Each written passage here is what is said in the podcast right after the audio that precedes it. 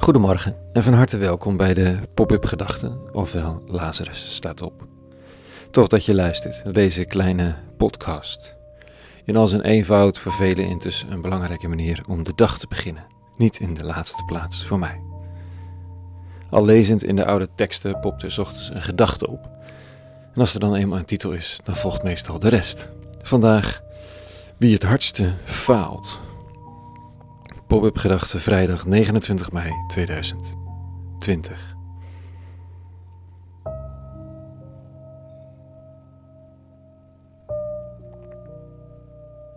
Je komt er sterker uit of zwakker, zei ze, in een gesprek over pittige momenten in relaties. Ze komen toch, die momenten. Dat je verliefd wordt op een ander, dat je twijfelt, dat je een verschil van inzicht hebt over waar het heen moet. Lastige momenten met banen, depressie of wat dan ook. Die momenten komen toch, als je relatie maar lang genoeg duurt. De enige vraag is of het je lukt om het met elkaar aan te gaan. Dan kun je er sterker uitkomen. Maar wat ook kan, en dat is ook eerlijk om te zeggen, het kan de basis van je relatie ook verzwakken. Geheimen kunnen gaan vreten aan je, onuitgesproken verwachtingen kunnen het je moeilijk maken. De een kan menen recht te hebben op dit of dat, nu de ander toch, ja, zus of zo. Het is niet eenvoudig. En dat geldt in liefdesrelaties in verhevigde vorm, maar de verbinding tussen collega's, vrienden, teamleden, familie. Het zijn ook relaties. Daarvoor geldt in min, meer of mindere mate hetzelfde. Shit komt er toch. De vraag is of je het aangaat. En als je het aangaat, dan kan het daardoor een stuk sterker worden. Dat kan. Er is zo'n managersverhaaltje, mogelijk een mythe, maar het helpt toch een beetje.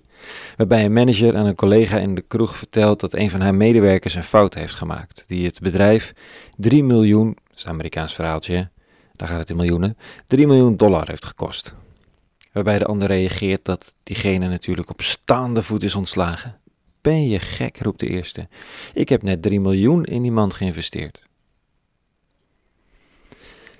En er zit, iets in, hè? Als ze elkaar daarover in de ogen kunnen kijken en de werknemer is toegewijd om nooit meer zo stom te zijn. Maar wil proberen om het op een of andere manier goed te maken, dan heeft ze mogelijk een medewerker voor het leven. Het hangt af van de vraag of de manager er manipulatief of eerlijk mee omgaat. De manipulatie leidt tot een vorm van macht over de ander die uiteindelijk de werknemer zal breken.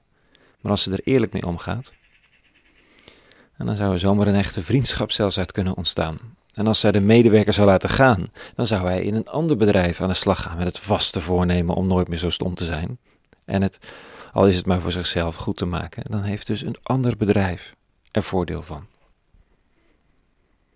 Ik moet eraan denken bij de lezing van vanochtend. Het is een van de verhalen na de executie van Jezus van Nazareth. Verhalen die de basis vormen van de nieuwe beweging van christendom. De dood leek even de beweging in de kiem te hebben gesmoord. Maar dan zijn er verhalen van leven na de dood.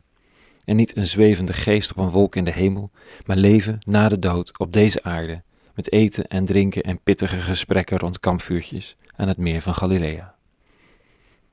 Dit is zo'n gesprek. En het vindt plaats tussen de eerder geëxecuteerde Messias en een van zijn trouwste volgelingen, die hem gigantisch heeft laten vallen in de nacht voor zijn dood. Hij heeft toen met een dure eed gezworen tegen iedereen die het wilde horen, dat hij niets te maken had met die gekke rabbi uit Nazareth. En nu zien ze elkaar. Dit staat er. Hij, Jezus, zei na het ontbijt tot Simon Petrus: Simon, zoon van Johannes, hebt u mij meer lief dan deze? Hij antwoordde: Ja, Heer, u weet dat ik u bemin. Jezus zei hem: Wijd mijn lammeren. Nog een tweede maal zei hij tot hem: Simon, zoon van Johannes, hebt u mij lief? Waarop deze antwoordde: Ja, Heer, u weet dat ik u bemin. Jezus hernam: Hoed mijn schapen. Voor de derde maal vroeg hij: Simon, zoon van Johannes, hebt u mij lief? Nu werd Petrus bedroefd, omdat hij hem voor de derde maal vroeg: Hebt u mij lief? En hij zei hem: Heer, u weet dat ik u lief heb, u weet alles. Daarna zei Jezus hem: Wijd mijn schapen. Een pijnlijk proces, hè? Hou je van me? Werkelijk. Een ingedikt verhaal over het herstel van een relatie waarbij degene die gefaald heeft, uiteindelijk degene wordt op wie de rabbi rekent voor de toekomst. Wie faalt en het weet, is te vertrouwen. Dat lijkt de paradox van christendom. Een hele goede vrijdag gewenst. En een bijzonder geestrijk Pinksterweekend. Maandag is een vrije dag, dinsdag ben ik er weer met een nieuwe pop-up gedachte. En voor nu, vrede gewenst. En alle goeds.